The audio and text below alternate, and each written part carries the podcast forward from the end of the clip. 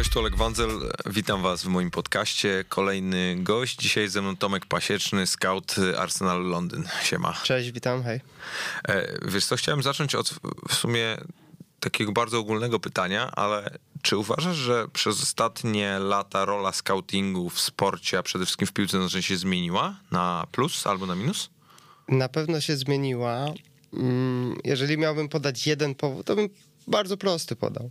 Cały czas, z roku na rok, co zresztą widać, tych pieniędzy w piłce jest więcej. Jest ich dużo więcej, w związku z czym transfery są droższe, w związku z czym pensje piłkarzy są dużo wyższe. I teraz, jeżeli patrzeć na scoutów jako ludzi, którzy w jakim stopniu do tych transferów doprowadzają, czy też wybierają tych ludzi pod transfery, no to w tym sensie rola na pewno rośnie, że jednak odpowiedzialność jest większa, tak? Odpowiedzialność jest większa, bo są dużo większe sumy wydawane, przez co no, to ryzyko pomyłki tutaj jest no, groźniejsze, bym powiedział, więc z tego punktu widzenia na pewno. To też zależy od kraju, bo w niektórych ten scouting funkcjonował, był zawsze mocno rozwinięty, w niektórych tak naprawdę dopiero się rozwija czy ten rozwój bardzo przyspieszył. Więc tutaj ciężko generalizować, natomiast uważam, że tak. Scouting jest też w różny sposób wspierany, tak? Y, statystycznie poprzez wideo tych tutaj, y, tych tutaj sposobów wsparcia jest parę. I to właśnie wszystko po to, żeby zminimalizować e, ryzyko popełnienia błędu tak naprawdę. A jak y, rola scoutów się zmieniła z perspektywy mm, technologii, która jest dzisiaj dostępna na, na tym rynku, bo jak wiadomo, pojawia się coraz więcej informacji, coraz więcej różnego rodzaju narzędzi do monitorowania performance'u zawodników, do oglądania ich gry i do weryfikowania ich statystyk. I ja się dość często ostatnio spotykam z taką tezą, no, że dzisiaj skauci to są raczej już e, takie osoby, które już na tym drugim czy trzecim etapie zaczynają weryfikować zawodnika raczej pod kątem jakichś cech wolicjonalnych, czy, e, czy jakiegoś powiedzmy tego no, dopasowania do zespołu, a, a tą taką krecią robotę na poziomie tego, czy statystycznie ktoś wykonuje swoją robotę, to już tym się zajmują maszyny. Znaczy odpowiedziałbym tak, że to bardzo zależy a od klubu, b od dyscypliny, c od struktury. Mówiąc w skrócie, może jeżeli się ograniczymy... Co masz na myśli? E, pion sportowy, tak? Okay, e, to może zacznijmy tak. Jeżeli mówimy mówimy o piłce nożnej, gdzie powiedzmy o tym mam większe pojęcie. A sprawa wygląda tak, że oczywiście masz rację, są kluby, w których te pierwsze filtry pod kątem kogo obserwujemy, gdzie obserwujemy, te pierwsze filtry są wykonywane nie przez ludzi na stadionach, a, a na wideo chociażby poprzez statystyki, tych dróg jest parę, tak? I teraz, jeżeli te pierwsze filtry mamy wykonane, mamy gdzieś grupę ludzi, których chcemy obserwować, to w niektórych klubach dopiero wtedy ruszają skauci. Z bardzo prostej przyczyny. Niektóre kluby tę siatkę mają bardzo małą. Jeżeli ta siatka jest bardzo mała, to nie jesteś w stanie tego całego rynku przefiltrować, przeskanować, to tutaj możesz różnie nazwać, więc to upraszcza, ułatwia. A są kluby, gdzie tak naprawdę tych statystyk, jakichś dokładniejszych analiz używa się na innym etapie. To znaczy nasza siatka scoutingowa wyłapuje piłkarzy poprzez nasze obserwacje, poprzez nasze kontakty i dopiero na podstawie tego, co ci skauci wybiorą, dokonujemy analizy, tak? Rzucamy nasze statystyki, jakiś analityk w klubie ogląda to na wideo i jest wtedy, powiedzmy, to jest druga runda weryfikacji, tak? Czyli bardzo zależy od klubu, na którym etapie to się dzieje. Natomiast coraz częściej to się dzieje. Y, ja nie wierzę w to, że kiedyś to zostanie w całości wyparte. Ja zawsze daję jeden przykład. Mm, jest bardzo przykład z życia. Ja co prawda w piłkę nie grałem, ale paru kolegów mam, którzy grali na różnym, nawet fajnym poziomie. I zawsze mi taki mój dobry kolega ze studiów opowiadał historię, grał w reprezentacji Trinidadu i Tobago i grali przeciwko Brazylii. On był środkowym pomocnikiem i wszystkie piłki z obrony go mijały, no bo była długa piła na napastnika z nadzieją, że coś się stanie. I on tak schodził do tych obrońców, prosząc ich o piłkę, no i w końcu dostał. Tylko, że ten obrońca przyzwyczajony do długich piłek tak naprawdę kopnął w niego piłką. On ją stracił, poszła kontra, poszła bramka. I teraz, jeżeli byś to rozbił na statystyki, to środkowy obrońca ma celne podanie, środkowy pomocnik no, ma błąd w przyjęciu, który doprowadził do bramki. A okej, okay, to jest skrajny przypadek, natomiast on też pokazuje, że do czytania statystyk, do czytania jakichś analiz trzeba też perspektywy, więc po mojemu e, pełne wyparcie nie nastąpi, natomiast no, następuje wsparcie z tej prostej przyczyny, o której wcześniej mówiłem, kasa, tak? Przy tak wielkich pieniądzach chcesz zminimalizować to ryzyko, więc jeżeli masz dwie, trzy drogi, żeby to zrobić, no to po prostu zazwyczaj to robisz. A ty, gdy jedziesz na, na jakieś oględziny, że tak e, nieładnie powiem, to, to czujesz tą odpowiedzialność na sobie, że, e, że potencjalnie twoja jakaś decyzja na tak bądź na nie będzie się wiązać bardzo określonymi konsekwencjami dla klubu, eee. negatywnymi bądź pozytywnymi? Wiesz co, tak, tylko to też zależy tak pół żartem, pół serio, gdzie jadę, tak? Bo jeżeli jadę powiedzmy na Słowację, no okej, okay, tak, to tutaj być może przegapię jakąś perełkę, która potem się okaże topowym piłkarzem, natomiast jeżeli jadę, szczelam do Rosji, na Ukrainę, no to tutaj bardziej moje rekomendacje, to nie są moje decyzje, żebyśmy też tutaj się dobrze rozumieli, tak? Scout rekomenduje, natomiast to moje rekomendacje tutaj mieszczą się w przedziale, czy kupić tego, a tego zawodnika, czy nie. No a jednak w Rosji ceny tych piłkarzy są dużo inne, tak? Więc bym tutaj powiedział, że Jasne, e, tu i tu odpowiedzialność jest bardzo duża, natomiast ona się jakby trochę pojawia na innym etapie, tak? Czy to jest Słowacja, Polska, czy Rosja, Ukraina. E, więc no gdzieś to czuję na pewno i to też jest tak, że mm, jak gdzieś tam. Mm, dobra, w Arsenalu jestem 4 lata, no w scoutingu w różnych formach plus minus 12-13 więc to jest też tak, że ja paru tych piłkarzy widziałem, ja też śledzę ich kariery i też staram się gdzieś tam, no też na błędach uczyć, a więc rzucając przykładem tej e, Słowacji, na, bardzo staram się wnikliwie obserwować tych piłkarzy, którzy z Ligi Słowackiej wyszli, czy polskiej, tak? W zasadzie to jest to samo. Natomiast na tej samej zasadzie obserwuję tych piłkarzy, którzy za kilkadziesiąt milionów odeszli z Ukrainy czy z Rosji i no, staram się jakieś wnioski pod kątem moich przyszłych obserwacji wyciągać. A na przykład widzisz, że jest e, jakiegoś rodzaju taki wzorzec, który się powiela na poszczególnych rynkach, gdzie na przykład, nie wiem, widzisz, że do Rosji przychodzi jakiś mało znany Brazylijczyk i jest duża szansa, że jeżeli on zagra 3-4 fajne mecze, to potem jego cena będzie w takich takich widełkach. Nie znaczy, wiem, co, tutaj bardzo ogólnie wiem, mówię, o co chodzi. takiego rodzaju paterny ci się pojawiają? Znaczy Trochę tak, natomiast ciężko tutaj tak, o taki cenowy, biorąc pod uwagę, jaka teraz bańka się tworzy na rynku. Przecież te ceny, które teraz są, Dobra, ktoś może powiedzieć, że to przewidział parę lat temu i taka może być prawda. Natomiast no, ten rynek tak naprawdę ruszył bardzo z kopyta. W tej chwili e, myśląc o topowych klubach, tak, to każdy niezły zawodnik, który jest 30-50 milionów, tak, to, to są już przedziały, o których które kiedyś były zarezerwowane dla absolutnego topu topu nielicznych. E, natomiast jeżeli chodzi o takie wzorce, no to szczelam pierwszy przykład, e, ukraiński Szachtar Donieck, tak? no to to jest drużyna, która jest znana z tego właśnie, że sprowadza piłkarzy z Ameryki Południowej, Brazylijczyków i znana jest z tego, że to są Brazylijczycy o dużej jakości, tak? A nie wiem, teraz Fred poszedł do Manchesteru United, wcześniej Fernandino poszedł do Manchesteru City, e, William tam się też przewinął, a więc jest to drużyna, która naprawdę tych piłkarzy sprowadza klasowych, z tym, że żeby tu też być fair, większość tych piłkarzy inwestuje bardzo duże pieniądze, bo oni są w stanie kupić zawodnika za kilkadziesiąt milionów dolarów, bo wiedzą, że w przyszłości na nim zarobią. A więc takie wzorce są. Są kluby, gdzie na przykład wiem, że zawsze zagra paru ciekawych młodych, tak słowackie. Jak popatrzysz, są takie rankingi, nawet nie tyle liczba wychowanków w składzie, tylko liczba młodych zawodników. To na europejski, jak jest ranking europejskich klubów, to tam w pierwszej dwudziestce jest parę słowackich, tak? Więc ja tam wiem, że jeżeli pojadę, już pomijając jakość tych zawodników, ale wiem, że kilku młodych, względnie bardzo młodych zagra. Więc takie wzorce jak najbardziej.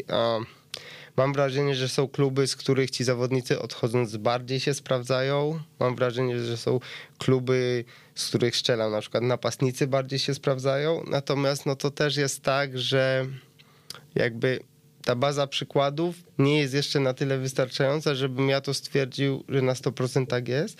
No i oczywiście to jest piłka nożna, więc gdzieś po drodze zdarzają się jakieś przypadki. Yy, ktoś złamie nogę, kogoś rzuci dziewczyna, ktoś dokona jakiegoś złego wyboru i zmienia się, tak? Więc tutaj oczywiście myślę, że są kluby, które mają określony sposób działania i z niego wynikają określone informacje też dla mnie. Natomiast no to jest bardziej na zasadzie prawdopodobieństwa niż jakiejkolwiek pewności, tak bym powiedział. A w ogóle jest sens prowadzenia działań scoutingowych na, na przykład takich najmniejszych, naj, najmłodszych grupach e, piłkarzy? Zdefiniuj najmniejszą grupę. E, najmł- Najmłodszą. Raczej, no już mówię tutaj, gdzie faktycznie już można mówić w miarę jakimkolwiek świadomym szkoleniu, to powiedzmy to są dwunastolatkowie, 13-14. To, to bardzo zależy od tego, dla kogo pracujesz. Okay. Dla przykładu, moja praca w Polsce, czy praca każdego zagranicznego skauta w Polsce, sprowadza się do tego. Jesteś zagranicznym skautem tak to nazwijmy, sprowadza się do tego, że tak naprawdę transfer wewnątrz Unii Europejskiej jest możliwy w wieku 16 lat. Więc ta obserwacja w praktyce zaczyna się gdzieś tam od 13-14. Powiedzmy, że jeżeli to jest naprawdę fajny chłopak, to można go gdzieś po drodze zaprosić na testy. Ale poczekaj, obserwacja to znaczy ty go jakby zapisujesz nazwisko w kajecie i potem monitorujesz Dobra, to ja, ja, ja wykorzystam... czy jeździsz Dobra. Do to, Polski oglądać to, to 13 Od początku wykorzystam tą szansę, bo uwielbiam określenie zapisujesz w kajecie, więc sobie pozwolę tutaj y, małą dygresję. Tak, tak, nie, bo ja to zawsze to pół żartem, pół serio mówię, natomiast no ja, oczywiście e, również. ja wszystkie nazwiska wszystkich zawodników na boisku zapisuję, więc żeby tutaj e, pierwszą rzecz ustalić. Co do twojego pytania. To jest trochę tak, że jeżeli chodzi o tych najmłodszych, to bardzo ciężko jakieś statystyki takie konkretne, tak? Więc jeżeli to jest jakiś super strzelec, to oczywiście gdzieś mi tam wyskoczy, że w, rozgrywkach jakiejś centralnej ligi juniorów tych, tych U15 czy tam 17 strzelił powiedzmy, strzelam 30 bramek, tak? Natomiast tak naprawdę w tym wieku to ja nie patrzę na statystyki. E, w tym wieku ja liczę, ja mam pięć państw pod sobą, głównie seniorów, w Polsce mam juniorów, więc w tym wieku no nie mam tyle czasu, żeby to bardzo, bardzo, bardzo wnikliwie kontrolować. Więc ja w tym wieku liczę przede wszystkim na selekcję wojewódzkich związków, bo są kadry wojewódzkie i na selekcję PZPN-owską, tak? Bo te kadry, w tej chwili najmłodsza reprezentacja to jest 2003 rocznik. 15. Tak, zaraz będzie pojedynczy mecz, e, tak, Lamo rocznika niżej, czyli 2-4. Więc gdzieś to tam jest jakaś dla mnie wstępna selekcja. Oczywiście tych chłopaków sobie oglądam, śledzę. Powiedzmy, że paru takich najciekawszych z 2004 też od jakiegoś czasu śledzę. Um, natomiast tak naprawdę nasza robota się sprowadza do tego, żeby w pełni w 100% zweryfikować chłopaka do momentu, aż on, do okienka, gdzie on ma już 16 lat. Uh, bo wtedy tak naprawdę on może odejść do zagranicznego klubu. Oczywiście jest kilka aspektów po drodze. Mm, główny to taki, że polskie kluby mogą zaproponować profesjonalny kontrakt zawodnikowi, gdy ma 15 lat. Więc gdy on ma 16 lat i profesjonalny kontrakt, no to oczywiście trudniej go wyciągnąć i drożej. Więc fajnie jest e, okazać jakieś zainteresowanie, zaprosić na testy czy coś przed tym profesjonalnym kontraktem, tak. A to, jest, to nie jest żadna czarna magia, żadna wiedza tajemna, wszyscy to robią. A, natomiast to wbrew pozorom też nie jest tak, że absolutnie każdy chłopak chce wyjechać.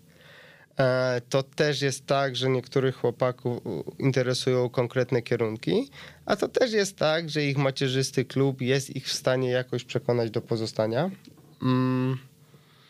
I to też, mówiąc uczciwie, jest tak, że to bardzo zależy od chłopaka, czy on powinien wyjechać, tak? Bo to jest kwestia charakteru, poziomu talentu, tych czynników jest milion, a ja mówię uczciwie, ja nie uważam, żeby była jedna droga, że wszyscy mają wyjeżdżać, wszyscy mają zostawać, a gdybym miał się opowiedzieć jednoznacznie, to, to mówię od wielu lat, żeby nie było, że zmieniam zdanie.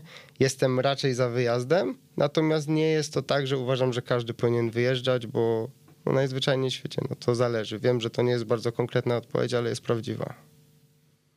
Wiesz co, jak tak ciebie słucham, to mi się też wydaje, że, że tutaj jest bardzo istotne też, no, do, do, jakiego poziomu gdzieś ty wejdziesz w jakąś relację z takim zawodnikiem, nie? Ponieważ no, mimo wszystko nie jesteś w stanie podjąć takiej decyzji, nie jesteś w stanie ocenić w ogóle realnie, czy ten zawodnik udźwignie wyjazd do na przykład takiego klubu jak Arsenal, jeżeli ty z nim nie porozmawiasz, albo jeżeli w ogóle ty nie zobaczysz, jak on funkcjonuje. Dobra, to inaczej. Żeby być fair, ja praktycznie nie wchodzę w żadne relacje E, Ale chcesz powiedzieć jakby, że to jesteś zamknięty, autystyczny bądź czegoś takiego? Nie, nie, nie. A, bardziej chcę powiedzieć, że a, Po pierwsze, tu już wchodzimy trochę w szarą strefę, w sensie, czy w ogóle scout powinien jakieś relacje. A według Ciebie powinien? E, inaczej. Zgodnie z przepisami nie za bardzo. W związku z powyższym ja tak naprawdę tego nie robię. Ale Natomiast uważasz, że przepisy powinny zostać Nie, nie. Powiem Ci nawet inaczej. Ja uważam, że nie ma takiej potrzeby. Już Ci tłumaczę czemu. A... Oczywiście jest mityczny wywiad środowiskowy, który, e, który gdzieś tam funkcjonuje, szczególnie przy scoutingu seniorów i o tym możemy zaraz porozmawiać. E, natomiast co ci mogę powiedzieć z mojego doświadczenia, z mojej perspektywy, jeżeli chodzi o młodych, oczywiście wiesz, jacy, ty wiesz najlepiej, jacy są młodzi piłkarze, jacy byli, jak się zmieniają. A, no i wiesz też, że czasem patrząc z zewnątrz, e, nie wszyscy zachowują się, tak powiedzmy ładnie, w 100% racjonalnie. Natomiast to, jak się on zachowa, jeżeli gdzieś wyjedzie, jeżeli trafi do nowego środowiska, do nowych warunków, do nowych kolegów, będzie nowy język, będzie nawet jakaś rodzina zastępcza, z którą będzie mieszkał, różne są rozwiązania, to według mnie jest absolutnie nie do przewidzenia. I tak szczerze mówiąc, znam przypadki, gdzie chłopak tutaj, no powiedzmy, że odstawał od normy, gdzie wyjechał tam i nagle się okazało, że ma super charakter, super się zaadoptował, a znam przypadki, gdzie chłopak tutaj był wzorem i nie podołał, tak?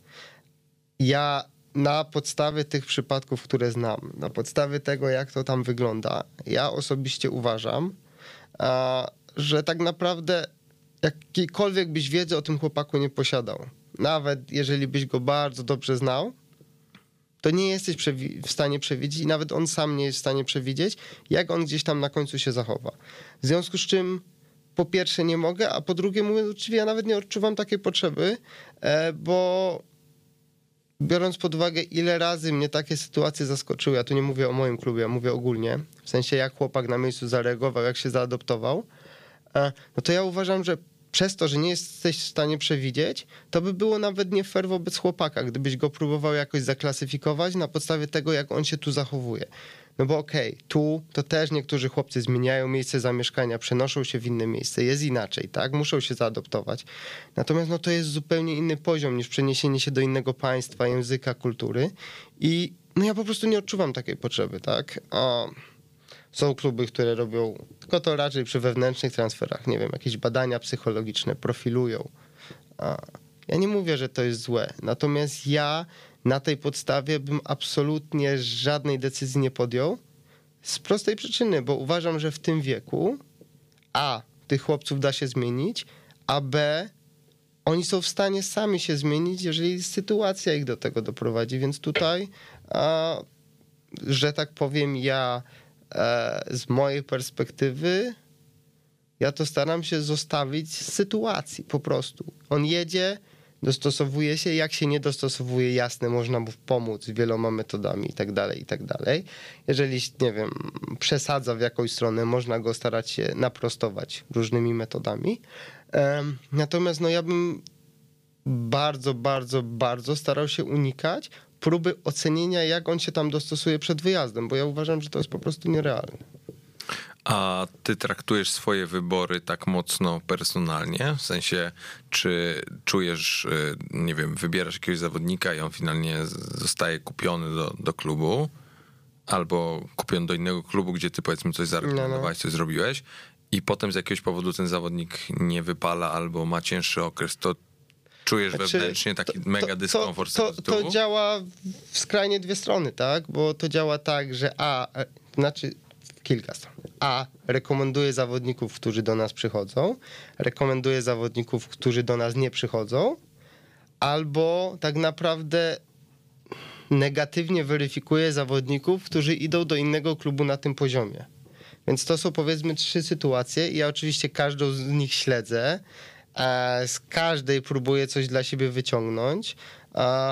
No i jeżeli to jest zawodnik, którego ja rekomendowałem, no to wiadomo, że mu kibicuję. Jeżeli to jest zawodnik, którego zweryfikowałem powiedzmy negatywnie, a gdzieś mu tam dobrze idzie, to nie, że mu źle kibicuję, natomiast, y, czy tam ten, liczę na jego wpadki, natomiast staram się gdzieś tam e, jakieś wnioski wyciągnąć.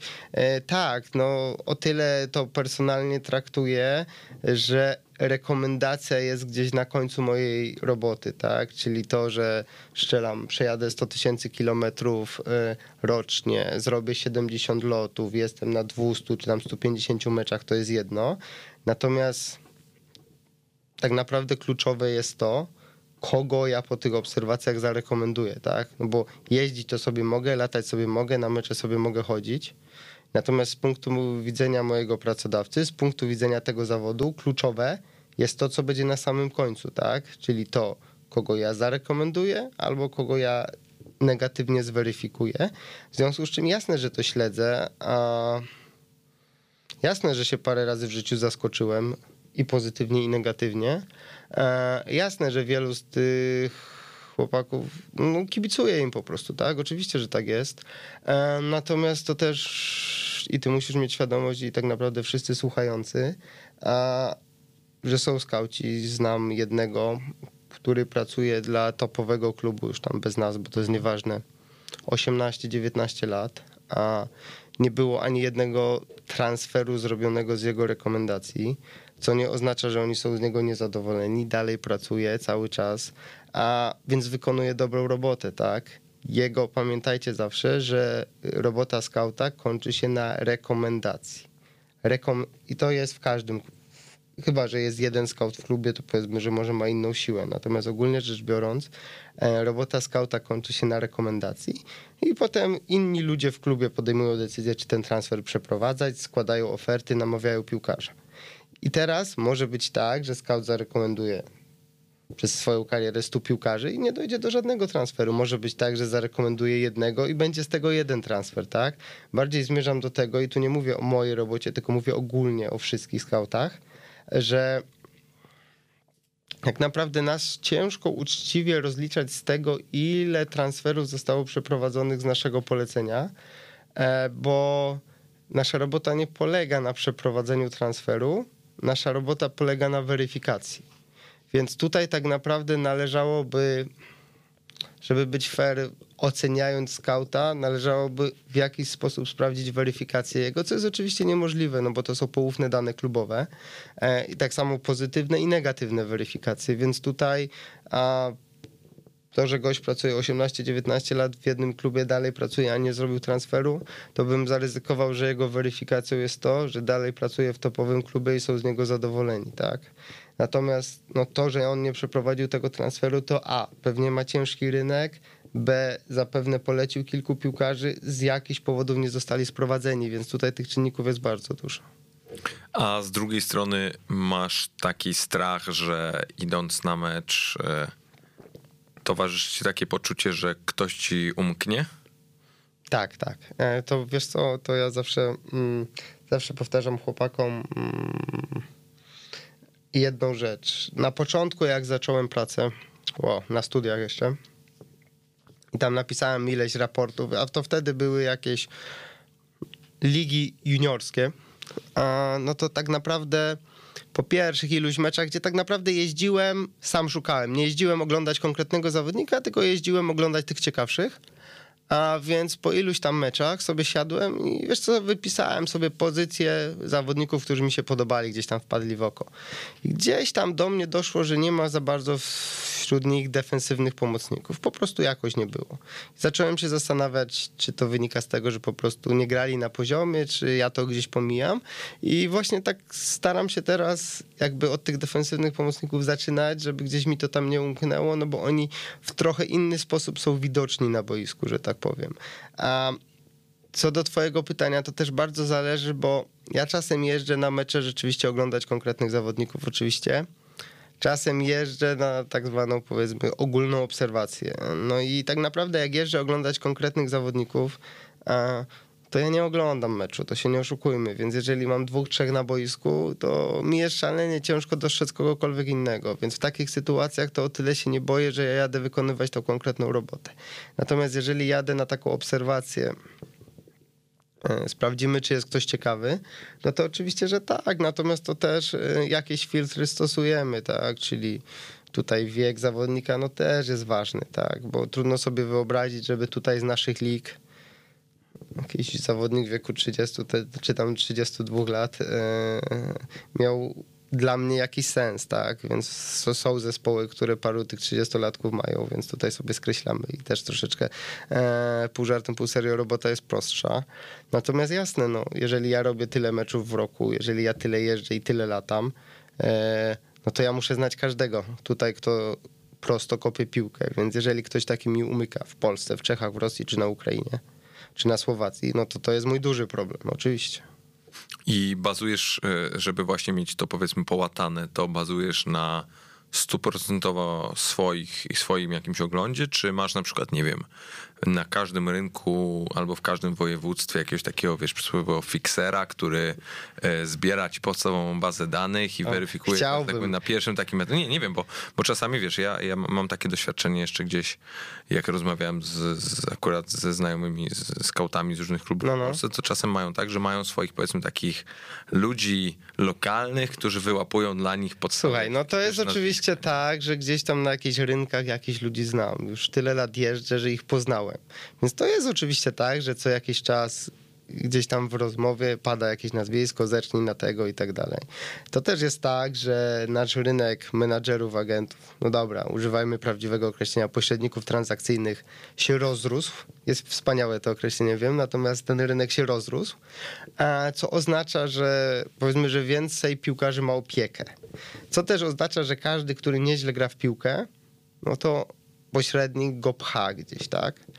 A dzisiaj jechałem tutaj do ciebie autem, mm, bez nazwisk i to też, żeby nie było, że to absolutnie jest negatywne, bo to nie jest negatywne, natomiast dostałem dzisiaj na Whatsappie informację o piłkarzu o godzinie 6.52 rano. E, to tylko, żeby ci pokazać, że rynek działa, rynek nie śpi, więc jeżeli Może jest... Giełda startuje Dokładnie, dokładnie, więc, więc to pokazuje, że w tej chwili też o tyle trudniej, trudniej e, przegapić zawodnika, że sam rynek cię o nim informuje, tak? Szczególnie jak pracujesz dla dużego klubu, oczywiście. E, Natomiast jest to oczywiście tak, że paru ludzi w tych krajach znam, e, czy też znajomych scoutów, którzy na tych rynkach działają, więc jak tam siadamy na meczu, to tam czasem go podpytam, jest ktoś nowy, młody, tak, teraz się zaczęła runda, a byłem na meczu na, e, Europejskiej Puchary, byłem na meczu na Słowacji, usiadłem ze słowackim scoutem, mówię, jacyś nowi, fajni zawodnicy do was przyszli, do ligi i tak dalej, no to on paru młodych wymienił, e, no to teraz na nich zerknę, tak, jak pojadę, no jasne, że to troszeczkę tak działa, e, natomiast e, no ja jestem, że tak powiem, e, w swojej strukturze sam, a więc działa to na podstawie moich obserwacji, a, no i to też jest tak, że każdy troszeczkę inaczej patrzy na piłkę. Zawsze tak było, zawsze tak będzie. A, I jako, że ja odpowiadam za ten produkt finalny, za tą rekomendację, no to ja sobie nie mogę pozwolić na to, żeby. E, I to nie jest tak, żebyśmy się też dobrze zrozumieli. Ja nie mówię, że ja się znam na piłce lepiej niż ktoś inny. To nie o to chodzi. To chodzi o to, że ja porównuję tych wszystkich piłkarzy, których widziałem przez lata i dla mnie jest kluczowe, żebym ich wszystkich porównywał przez ten sam filtr, tak? Czyli moje oczy, moje podejście, moją wizję piłki. I teraz ja sobie nie mogę pozwolić na to, żeby jakiś piłkarz wszedł w tą strukturę inaczej, tak? Bo ja chcę mieć idealne, wiarygodne porównanie. A to jest też tak, i to przetestowałem wiele razy i to niestety działa, że jeżeli rozmawiasz z kimś o jakimś piłkarzu, i ta osoba ze dwa, trzy zdania jego charakterystyki przedstawi, to ty się praktycznie zawsze tym zasugerujesz. Ja dlatego jak już oglądam mecz w telewizji, to zawsze oglądam bez głosu. E, proste, żeby wiesz, żeby nie padło to zdanie od komentatora, szczelam, ależ fantastyczne podanie. Ono może być fantastyczne, ono prawie na pewno jest, ale to nie chodzi o to, żebym ja już w głowie miał ocenę tego podania, tak? A, I teraz dla mnie jest kluczowe, żeby ten mój przekaz był jak najczystszy. I złapałem się na tym parę razy, że siedziałem z kimś i ktoś mówi, scharakteryzował tego zawodnika. Ja miałem trochę inne zdanie, natomiast gdzieś tam miałem to w głowie i powiedzmy, że tak e, w 100% bezpośrednio swojego zdania nie wyraziłem, żeby sobie zachować rezerwę na jego poglądy. I no oczywiście warto słuchać szczególnie mądrzejszych, natomiast a, dalej to mi płacą za moje zdanie i dlatego ja się staram, żeby ono było jak najczystsze, tak. I to moje pytanie może teraz zabrzmieć bardzo dziwnie, ale ja się zastanawiam, czy Bo, bo z tego, co mówisz, wynika w pewnym sensie coś takiego, że to bardzo dobrze, kiedy scout jest subiektywny i to taki bardzo mocno subiektywny. Ja zawsze miałem takie wrażenie, że, że mimo wszystko powinno, jako bycie taką osobą, powinno się dążyć do tego jak największego obiektywizmu gdzieś, a z drugiej strony yy, pytanie, czy to jest w ogóle możliwe. Znaczy, to ja mam wrażenie, że te słowa bardzo trudno odnieść do tego zawodu, bo a, to zawsze jest moja ocena, tak? A pytanie, czym jest subiektywna, a czym jest obiektywna ocena w kontekście do piłkarza. To jest tak, oczywiście każdemu się różni piłkarze podobają, no tak jak z kobietami, tak? po prostu tak jest. Wiadomo, że. I dobra, to jest idealny przykład, to są te kobiety, bo zobaczyłem Twoją minę, więc jeszcze nawiążę do tego. E, to jest tak, że oczywiście te najpiękniejsze kobiety na świecie podobają się prawie każdemu, ale to też nie jest tak, że podobają się absolutnie każdemu. Albo pod, pod, nie, niekoniecznie podobają się w takim samym. Dokładnie. I to tak samo jest z, e, nie wiem, stopowymi piłkarzami, schodzisz niżej, niżej, to zdania są bardziej, powiedzmy, rozszerzone, tak? I teraz nawiązując do tego. Mm, Jasne, że to jest tak, że czasem rozmawiam e, z innymi skautami, z kolegami o jakichś piłkarzach, czy tam młodych i e, jeden widzi większy talent w tym, w tym, jeden widzi większy potencjał w tym, a w tym. I tak oczywiście jest i te zdania będą odrębne, tak? Natomiast problem polega na tym, że jeżeli ja od iluś lat dokonuję oceny dla tego klubu, a wcześniej dokonywałem dla dwóch, trzech innych, to ta ocena nie może teraz się zmienić, bo ktoś mi coś powiedział, tak? Bo ta ocena musi być zawsze oparta o te same mm, filtry, analizy, ten sam sposób rozumowania. Więc dla mnie jest ważne to, żeby to była dalej moja ocena. Ona oczywiście w, tym pytaniu, które zawarłeś, tak, możesz powiedzieć, że ona jest subiektywna. Natomiast, no tak, jakbym się nad tym zastanowił, to wydaje mi się, że właśnie za subiektywną ocenę mi płacą, tak? W takim znaczeniu. A bo to jest też tak, ja to czasem mówię e, chłopakom na szkoleniach scoutingowych, że jak jesteś na meczu, to nikt nie oczekuje od ciebie opisu sytuacji. Tak? To nie jest raport dziennikarski na zasadzie nie wiem, ściął do środka i uderzył po długim rogu, tak? Po pierwsze, jasne, jakieś tam fragmenty takie powiedzmy opisowe w raporcie mogą się znaleźć, natomiast w raporcie najważniejsze są wnioski i rekomendacje. I teraz, no jak masz stworzyć wniosek, rekomendację, no to zawsze musi być w jakimś stopniu subiektywne, no bo to jest twój wniosek i twoja rekomendacja, więc wynikają z tego, jak ty patrzysz na piłkę.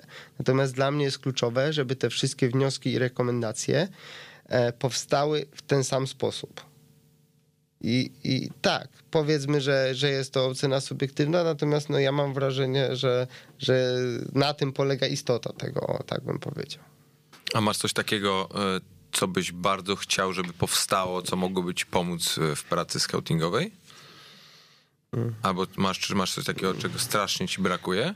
Taka maszyna do teleportacji, mówiąc pół żartem, pół serio. Jakbym mógł szybciej podróżować na mecze, to byłoby idealne. A jeżeli chodzi o takie obserwacje, analizy, a wiesz co, nie. Eee znaczy to jest tak, ze statystykami, jak wiesz, te statystyki się rozwijają, jest ich coraz więcej. Piłka nożna jest o tyle skomplikowana, że jednak tych wariacji jest dużo więcej niż w sportach amerykańskich, gdzie te statystyki królują. A analizy wideo, materiały wideo, a to wszystko jest, tak. A...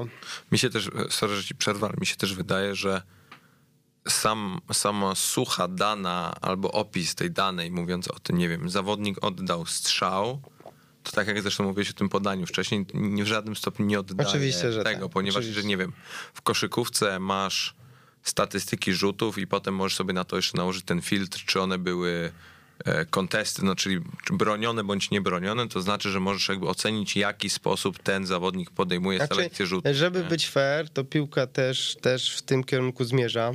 Te statystyki stają się coraz bardziej zaawansowane. A...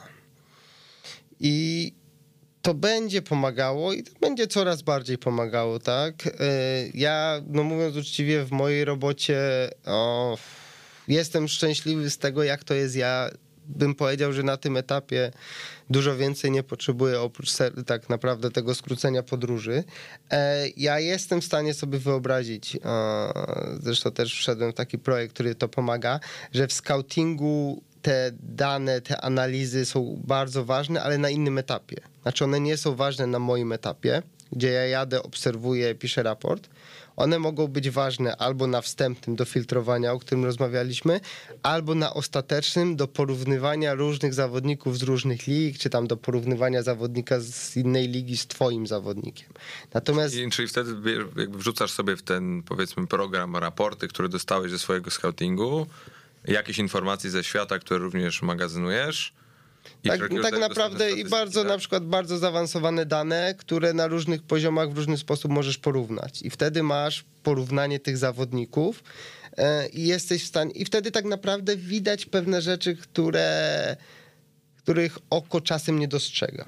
I teraz nie robisz już, nie podejmujesz w tym momencie decyzji, tylko sobie jeszcze w oparciu o te dane to oglądasz, tak, to ci pomaga. Natomiast dla mojej pojedynczej obserwacji, dla mojego wyjazdu, dla mojej roboty, to powiem ci, ja nie sądzę, żeby w najbliższym czasie dużo się zmieniło, a są już skauci, którzy też te mecze juniorskie, których nie ma, dodatkowo nagrywają, tak, czy sobie jakoś nanoszą e, na jakieś aplikacje, składy. Ja sobie na, noszę na notesik, oni na aplikacje, przez co ład, ładnie im się zmiany robią, tam ruch zawodników i tak dalej. I jasne, że do jakiegoś stopnia to jest pomocne, ale no nie oszukujmy się, nie jest to w żadnym stopniu kluczowe, tak. Bardzo mało to zmienia, albo nic to nie zmienia w kontekście takiej decyzyjności, trafności na tym etapie przynajmniej. A jak według ciebie ważna jest pokora w e, pracy skauta? O, bardzo, bardzo. Um, znaczy, ja wszystkim mówię, że to, co ja próbuję robić na co dzień w mojej robocie, mm, to ja próbuję Szukam, szukam właściwego słowa. Mm. Prawdziwe powiedz. Właśnie, właśnie szukam. E, e, czy próbuję cały czas e, analizować swoje wybory na takim zasadzie, wiesz, że tak bawić się powiedzmy w takiego adwokata diabła, tak? Tutaj mam mój wybór, którego dokonałem, rekomendacja, której dokonałem i tak staram się z każdej e, strony podejść, czy to było dobre, czy to było złe, co się stało. A więc ja tutaj próbuję w miarę moich możliwości czasowych, a jakby weryfikować i to, żeby być fair, to jest też tak, że mi się zdarza zdanie zmienić. Piękno tego, że prowadzimy profesjonalne, długotrwałe obserwacje, jest w tym, że obserwujemy zazwyczaj, mam nadzieję, rozwój zawodnika. Czasami niestety nie jest to rozwój, tylko niestety zawodnik, no, nie chcę powiedzieć, kończy karierę, tak? Natomiast nie wchodzi na oczekiwany poziom. Natomiast przez to, że ja jestem w stanie przez rok, dwa obserwować rozwój zawodnika, to ja jestem też w stanie zmienić opinię o nim, czy też zmienić rekomendacje. W obie strony, żeby być fair. Więc w tym jest to też bardzo ważne, że to nie jest jednorazowa, wyrywkowa obserwacja na zasadzie nie koniec i go nie oglądamy, tylko nawet jeżeli to jest jakaś w miarę definitywna, a to jest jednak ciągle młody, ciągle ciekawy zawodnik, który dużo gra, no to ja zawsze staram się jeszcze raz, dwa go zobaczyć czy ewentualnie zobaczyć go za pół roku, bo a nuż coś się zmieniło, tak? I teraz jeżeli się zmieniło, hmm, no to ja raczej, raczej jestem w stanie się wycofać, czy jakąś ocenę zmienić. I to też mam wrażenie, nie jest nic złego, no bo jednak ci piłkarze się zmieniają. Są piłkarze, którzy w pół roku idą strasznie do góry, są piłkarze, którzy notują duży regres. No to się po prostu zdarza. Więc ważne jest, żeby po prostu dostosować tą swoją ocenę. No i też tak, żeby być uczciwym, to u juniorów oceniasz gdzieś tam powiedzmy potencjał, możliwości rozwojowe, a u seniorów no tak to upraszczają, jak po prostu grają w piłkę, tak? Więc to też jest inna sprawa, co oceniasz i inna sprawa, jak to rekomendujesz. Natomiast no pokora jest bardzo ważna, bo a, tu się dużo rzeczy zmienia, a B, rynek jest taki, że są mecze, na których jest 60-80 skautów. I teraz wiesz, a zdarzają się przypadki, że praktycznie każdemu się podoba dany zawodnik, a mi nie. I teraz ja ogólnie jestem marudą, jeśli chodzi o piłkarzy. i tak dość, dość, dość negatywny w weryfikacji, powiedzmy. Zaraz dojdziemy do tego, że ten 19-letni scout to, to wiesz, twoja przyszłość. Mm, tak. Do czego zmierzam?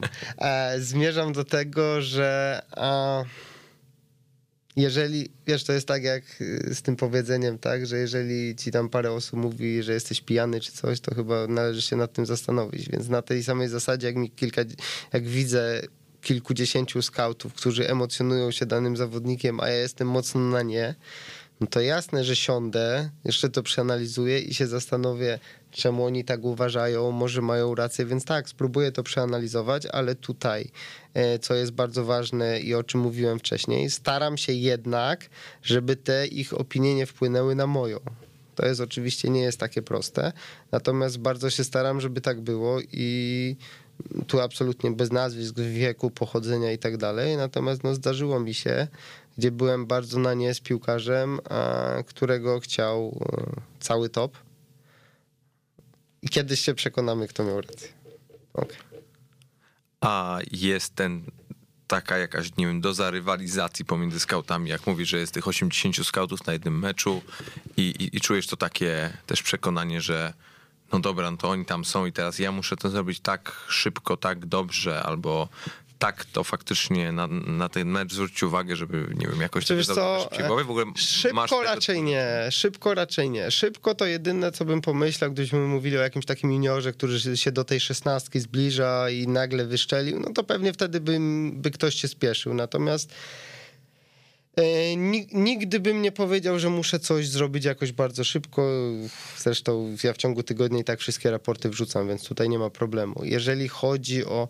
Znaczy, no słuchaj, no są takie mecze, gdzie tych skautów jest e, bardzo dużo, natomiast ja przynajmniej staram się, staram się, to podkreślam, traktować mecz, tak, tak naprawdę każdy mecz tak samo. A ja sobie zawsze mówię, że skoro już tu przyjechałem, doleciałem, no to to, to ja muszę być w 100% skupiony, tak. A, I tak naprawdę w każdym meczu staram się, żeby ta ocena była rzetelna, żeby miała sens.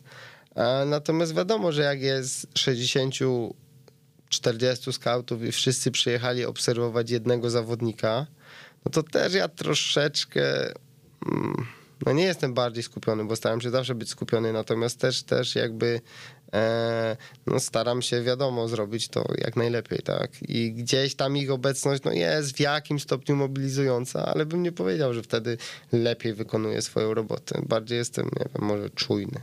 Nie wiem, czy to jest właściwe słowo. Nie, na pewno. Wiesz, bo myślę o tym w, takim, w takiej kategorii, że no, zdaję sobie sprawę, że no, potencjalnie perspektywicznych zawodników jest zawsze mniej niż klubów, które chciałyby ich pozyskać. Tak.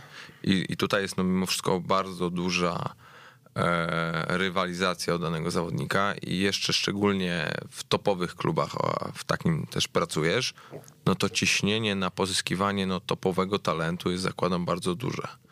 I, I zdaję sobie sprawę, że jeżeli na przykład, nie wiem, jeszcze szczególnie e, w przypadku klubów powiedzmy angielskich, gdzie nie, kwestie budżetowe nie są raczej problemem bardzo często, no to zakładam, że bardzo istotne są czynniki, które są poza tym, nie? I, I, wydaje mi się, że taka, powiedzmy, tak jak powiedziałeś, czujność, ale też pewna precyzja i wejście głęboko w analizę danego zawodnika, no pozwala faktycznie być tą przewagą nad innymi, nie? I czy to finansową, bo na przykład możesz wyłapać dany talent wcześniej, czy to stricte sportową, ponieważ wyłapiesz coś, czego ktoś inny nie dostrzegł. No ale pytanie, czy w ogóle jest coś takiego, czego dzisiaj już ludzie nie dostrzegają? Czy, czy, czy zazwyczaj mimo wszystko e, masz, nie wiem, nie wiem, czy miałeś do czynienia z, albo tak, wiesz, dygresja goni no. dygresję, ale e, czy jak gadasz z różnymi skautami, to na przykład e, widzisz, że twoje jakieś wnioski pokrywają się z wnioskami tych ludzi?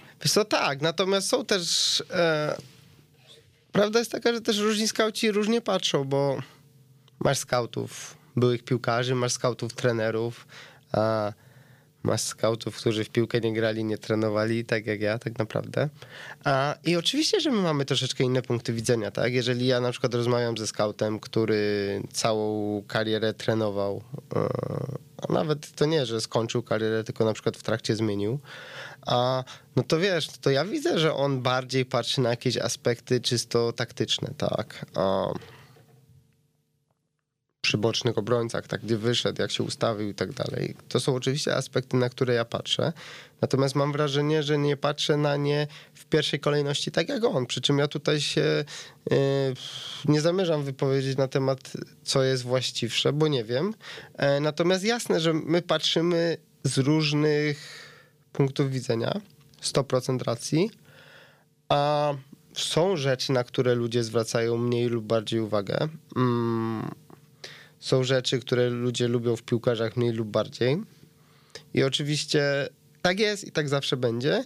I są też różne filtry, które dane kluby stosują, tak? A dla niektórych to musi być zawsze szybki piłkarz, dla niektórych musi to być zawsze bardzo silny fizycznie, dla niektórych jest przede wszystkim ważna technika. Bardzo różne są tu filtry, więc z tego punktu widzenia my też czasem startujemy szukamy innych rzeczy w piłkarzach. To się w pełni zgadza. To też jest czasem tak, że my patrzymy na konkretnego piłkarza, bo ten konkretny piłkarz ma odpowiadać naszym potrzebom w klubie. Więc to jest tak czasem, że ja patrzę na tego piłkarza, który jest topowy, a kolega nie patrzy, bo nie ma takiej potrzeby. A, więc tak, oczywiście, że mamy trochę inne punkty widzenia. A, to jest czasem tak, że. E, bo co warto też powiedzieć, e, przy tym scoutingu seniorskim też, um, naszą rolą nie tyle jest znaleźć najlepszego piłkarza, a znaleźć piłkarza najbardziej odpowiadającego naszym potrzebom. Więc są czasem topowi zawodnicy, ale o takiej charakterystyce, że na przykład w moim odczuciu oni nie odpowiadają naszym potrzebom e, i, i wtedy to nie tyle, że piłkarz mi się nie podoba, natomiast to jest bardziej, że my go nie potrzebujemy. A więc tutaj, tutaj tych filtrów, y, tych rzeczy, które powodują, że my się różnimy w ocenach jest dużo, oczywiście. Y, natomiast tak jak mówiłem, to takim pierwszym jest tak troszeczkę nazwijmy to pochodzenie tego skauta, tak? Więc tutaj e, jak najbardziej, natomiast no to jest tylko część tej oceny. To nie jest tak, że wtedy te oceny się jakoś bardzo różnią. To jest tylko tak, że jest jakaś cząstka, na którą ktoś bardziej zwraca uwagę, a ktoś mniej po prostu. A jak patrzysz na sieci scoutingowe, czy na regiony scoutingowe, tak bym raczej powiedział, to według ciebie dobre jest to, że dany rynek ogląda lokalny scout albo scout z tego regionu, czy raczej uważa, że powinno być tak właśnie, że wypycha się tych lokalnych gdzieś indziej, żeby mimo wszystko nie być w jakimś to są właśnie To są dwa właśnie modele scoutingu, nawet mają nazwy na to, scouting scentralizowany i zdecentralizowany. E, właśnie e, scouting scentralizowany polega na tym, że krótko mówiąc, masz wszystkich raczej w klubie i na jakimś etapie oni oczywiście jeżdżą obserwować. E, scouting zdecentralizowany, no to masz ludzi w regionach. I teraz tak naprawdę każdy ma plusy i minusy. E, największym plusem scentralizowanego jest to, że masz ludzi razem i dużo sprawniejszy jest ten proces porównywania zawodników z różnych lig. No bo możesz wspólnie oglądać, możesz analizować w klubie i tak naprawdę wszyscy w tym uczestniczą, więc im jest łatwiej porównać piłkarza z Polski z piłkarzem z Holandii, tak? Ich poziom. E, jeżeli chodzi o scouting zdecentralizowany, no to jednak pracują dla ciebie ludzie, którzy mają dużo większą wiedzę o tych rynkach. Tak zawsze będzie. Więc e, pod tym względem to jest duży plus. Natomiast no, ja na przykład z mojej pozycji nie jestem w stanie porównać Polaka e, z piłkarzem z Ligi Holenderskiej, no bo ani nie mam czasu Ligi Holenderskiej oglądać, ani jej nie oglądam i tak dalej, i tak dalej. Więc bym powiedział, że... Mm, na innym etapie to się dzieje, tak? W sensie ja tutaj selekcjonuję zawodników z mojego regionu, ktoś tam selekcjonuje z Holandii i tak dalej, i w wielu klubach tak jest. I na innym etapie oni są porównywani. A szczerze, mm, to który jest lepszy, który ma większy sens, trochę też zależy od środków, od regionu, który chcesz pokryć e, i od paru innych czynników. Natomiast to jest tak, że dobrze prowadzony, dobrze wykorzystywany i ten i ten ma duży sens. Więc tutaj to, że ktoś wybrał taki, a ktoś wybrał taki, to tu nie ma złej decyzji. Możesz to źle prowadzić, możesz mieć, szczelam, źle określony proces decyzyjny, a natomiast nie jest tak, że któraś z tych opcji jest zła. A masz jakieś takie swoje plan albo ambicje związane ze scoutingiem, coś takiego, co byś chciał osiągnąć, albo jakiś, nie wiem, swój prywatny tutaj cel albo zbiór celów? E, wiesz co, pewnie tak. Znaczy, to jest tak, że ja w tym scoutingu z przerwami na różnych stanowiskach siedzę długo. A, I to jest też tak, że mm, gdzieś tam pewnie a, to się kiedyś skończy, tak? Mówiąc w pół żart. E, no tak naprawdę to się pewnie gdzieś kiedyś skończy na zasadzie, że a, to jest fajna robota, to jest oczywiście w jakimś stopniu męcząca robota, natomiast y, dająca satysfakcję tak naprawdę a, i ciekawa. A, natomiast to wiesz, no ja gdzieś tam jakieś swoje ambicje mam i jakiś projekt gdzieś tam w przyszłości będę chciał tworzyć. A, chodzą mi gdzieś tam różne, różne pomysły po głowie, więc, więc coś tam, coś tam, coś tam na przyszłość pewnie wymyślę, miejmy nadzieję. A E, dlatego mówiłem o tym scoutingu scentralizowanym i zdecentralizowanym, bo gdzieś tam mi się e, o scoutingu jakąś pracę dyplomową zdarzyło napisać, więc to jest też tak, że ja ten scouting próbowałem powiedzmy w miarę badać, tak, to może za duże słowo tutaj jest. Natomiast no też szukałem jakichś rozwiązań dla scoutingu, jakichś sposobów na, na usprawnienie go. Mam, nadzie- mam wrażenie, że tutaj jakby bardzo dużo wymyślić się nie da, a, natomiast a, wiesz, no mam jakieś swoje e, przemyślenia, doświadczenia, wiem plus minus, co jest skuteczne, co nie jest skuteczne. Chciałbym jeszcze jakiś czas tu tutaj, że tak powiem, w klubie podziałać też mam coraz większy rynek, bo, bo tam jakieś państwa są mi dokładane, więc tutaj dla mnie jest to jeszcze jakiś tam rozwojowy projekt. Natomiast struktury scoutingowe mają to do siebie, że są bardzo płaskie, a więc, więc, więc, więc gdzieś tam e, pewnie kiedyś przyjdzie czas na jakiś inny projekt, że tak powiem. A masz ambicje w ogóle, żeby pracować w piłce w jakiejś innej roli? No bo masz krótki epizod ze sobą e, w Krakowi, ale to zakładam pewnie, że nie chcę za bardzo o nim gadać. No to znaczy, wiesz co, mogę ci powiedzieć jedno, jedno jed, jedną myśl o tym. A... No bo byłeś tam krótko, nie? Byłem tak, e, od podstaw. Byłem tam dyrektorem sportowym, wow, 6-7 miesięcy, tak z głowy szczelam, bo to dawno temu było. A... Ja patrzyłem, było, że 6. No, bardzo możliwe. A, to jest tak, że... A to wbrew pozorom dużo mi dało. E, dało mi całkiem ciekawy start e, w polskim środowisku, bo ja jestem osobą skrajnie spoza środowiska.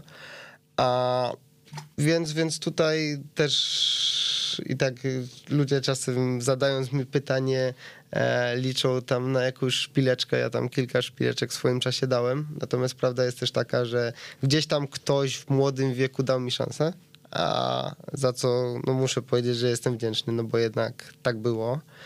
A to też jest tak, że właściciel klubu, jako że są to jego pieniądze, może z tym klubem robić wszystko i podejmować wszystkie decyzje tak jak chce, więc to też nie jest tak, że ja mogę to kwestionować. E, natomiast no, ja miałem i dalej mam takie odczucie, że e, absolutnie w żadnym stopniu nie mogłem się w tej roli spełnić, po prostu od początku do końca, bo nie mogłem żadnej decyzji podejmować. Więc gdzieś tam takie ambicje mam, natomiast. A, Mówiąc w największym skrócie, y, na bazie tych doświadczeń, które miałem, i biorąc pod uwagę, y, gdzie w tej chwili jestem, w sensie rozmiaru klubu i tak dalej, no to jasne, że mam jakieś ambicje. Jasne, że chciałbym cię jeszcze sprawdzić w roli dyrektora sportowego.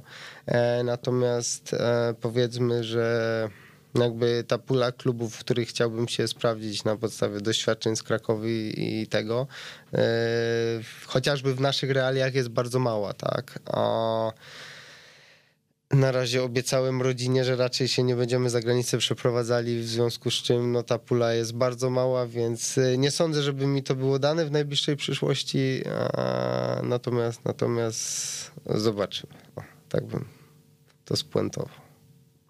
Wiesz, pytam też dlatego, ponieważ y, na przykład pamiętam, jak gadałem z, z Rafałem Juciem, on jest z kolei, wiesz, tak, tak, poznaliśmy się. W NBA e, i on mi właśnie zawsze mówił, że jednak mimo wszystko z perspektywy skauta, to ta perspektywa możliwości zarządzania całym zespołem i tym gdzieś tam e, zbiorem naczyń połączonych jest tym, co jest najbardziej w tej branży, powiedzmy, sexy, bo wtedy wiesz, że wiesz w pewnym sensie z perspektywy tego takiego człowieka po, na polu bitwy, jak to wygląda.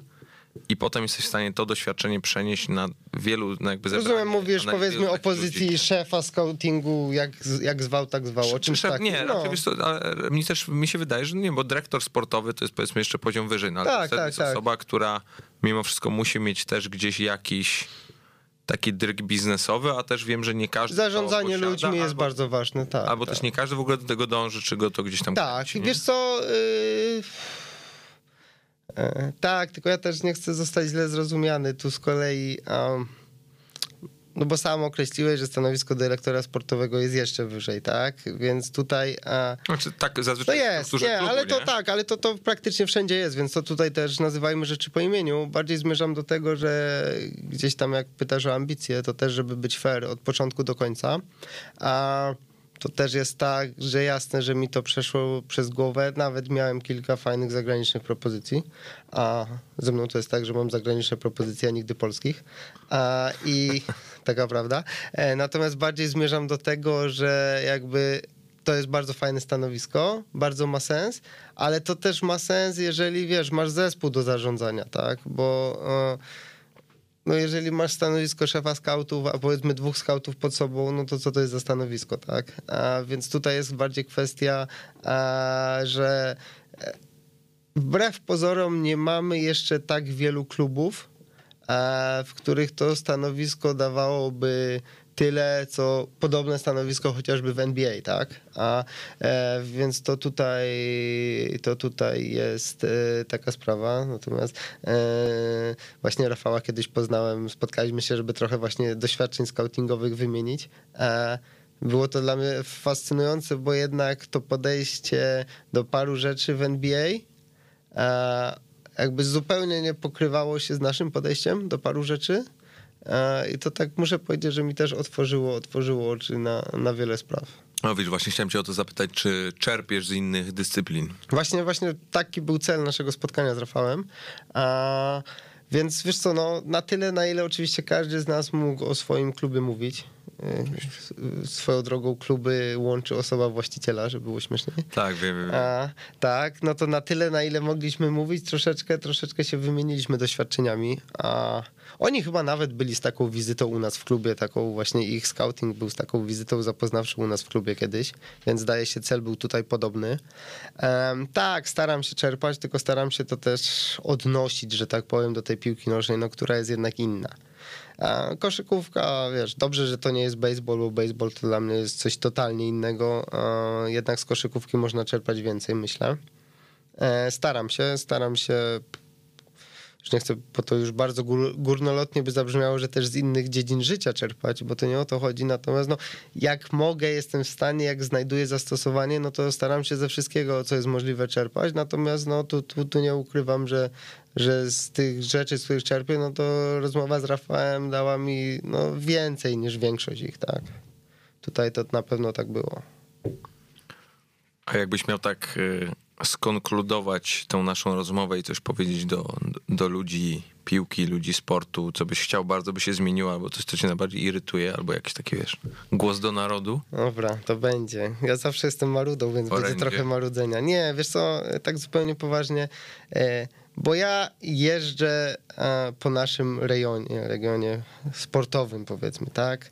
E, I to tutaj nikt nie dyskutuje z faktem, że parę klubów w Rosji czy na Ukrainie nam odjechało, to jest oczywiste z tymi pieniędzmi, które mają i tutaj nawet nie zamierzam mówić, że to jest coś złego w tym.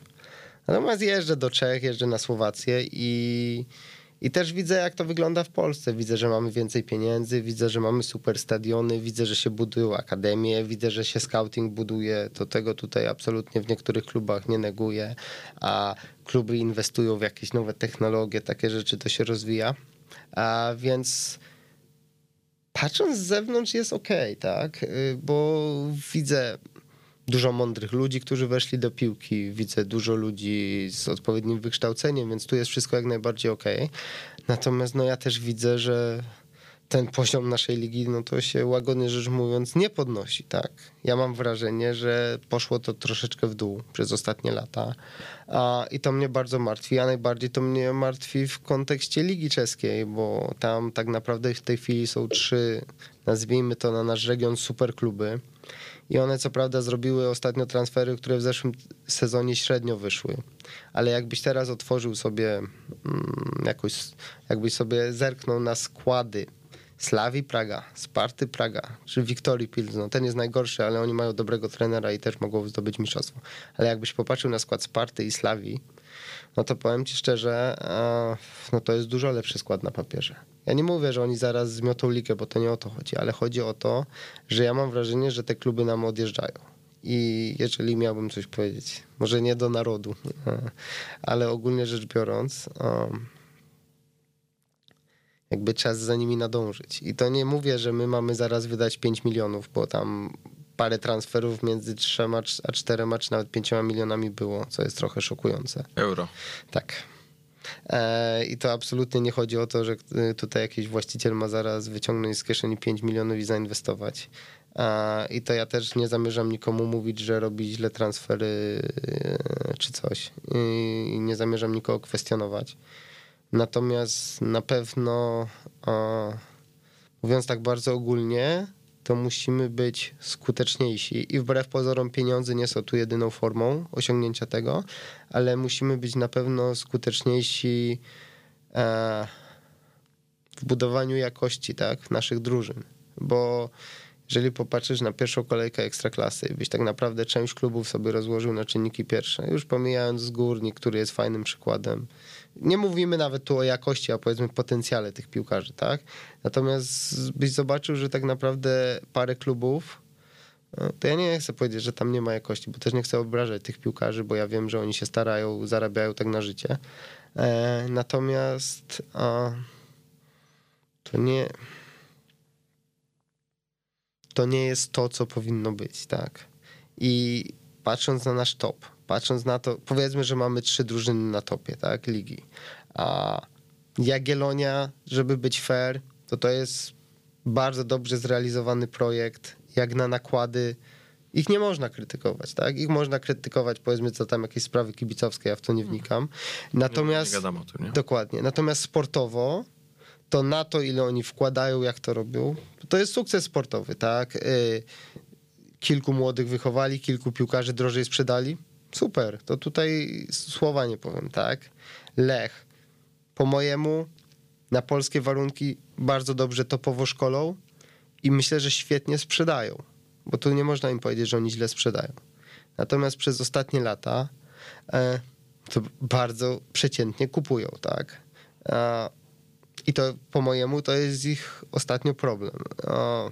Też zobacz, jest kwestia tego, że mm, u nich nie wygląda to najlepiej, jeżeli chodzi o kupowanie, a potem odsprzedawanie. Oni jak zazwyczaj jak sprzedają, to sprzedają ludzi, których albo wyskautowali na bardzo wczesnym etapie, albo się wychowali, nie? No tak, znaczy wiesz, teraz jest jakiś, nie wiem, Jefticz w kolejce, którego mogą sprzedać A, czy coś. był wcześniej. No, tak, natomiast tak, natomiast zmierzam do tego... do ściągnięcia no. tych zawodników w stosunku do tego, no, uważam, że Legia to robi lepiej, nie? Ale wiesz co, nie, no uważam, że po prostu Lech, y, przy tym, że powiedzmy świetnie szkoli i świetnie sprzedaje, to po prostu bardzo słabo, bardzo średnio ostatnio kupował. E, no nie można powiedzieć, no Legia musi to robić lepiej, no bo jest w tym miejscu, w którym jest, tak? Więc tutaj na pewno lepiej kupowała, gorzej szkoli, może to się zmieni, a na pewno gorzej szkoli. Nie dam sobie powiedzieć, że jest inaczej. E, no i trochę gorzej sprzedaje, bo to też trzeba powiedzieć, tak? Bo te kwoty Lecha to, to jednak są e, wyższe. E, natomiast no to też wiadomo, że środki są trochę inne, inne zainwestowane. Natomiast ja po prostu zmierzam do tego, że patrzę na te czeskie drużyny i się boję. Ja się po prostu boję tego, że za dwa lata my się obudzimy w miejscu, w którym my nie będziemy mieli do Czechów podejścia. Jeżeli my już nie będziemy mieli do Czechów podejścia, no to te europejskie puchary to będą jeszcze dwie rundy nam dodadzą jeszcze nie będziemy w stanie trzeciej przejść, tak? Więc tutaj, e, e, tutaj jedyne co chcę przekazać to, że e, może się okazać tak, że nawet Czesi nam odjeżdżają i nie powinniśmy do tego dopuścić, już nawet nie mówię o gonieniu innych, natomiast no w tylu rzeczach zrobiliśmy postęp. Infrastruktura, Czesi, Słowacy mogą takiej marzyć, tak? Akademie naprawdę powstają. A naprawdę to się bardzo profesjonalizuje i ja bym bardzo chciał, żeby poszła za tym jakość ligi. Po mojemu nie idzie, bo oczywiście tą ligę się ogląda świetnie w telewizji, bo jest jakość, kamery, wszystko. Na pewno się ogląda dużo lepiej niż ligi wokół. A natomiast no, tej jakości jest mało. I to mnie boli i jako, że ja w tym pracuję, no to uważam, że mogę sobie na to pozwolić, żeby powiedzieć, że według mnie tej jakości jest za mało. No i tyle. Dzięki. Dzięki bardzo. Pogadali. Pogadali. Miłego dnia, Tomek, dzięki. Dzięki bardzo, hej.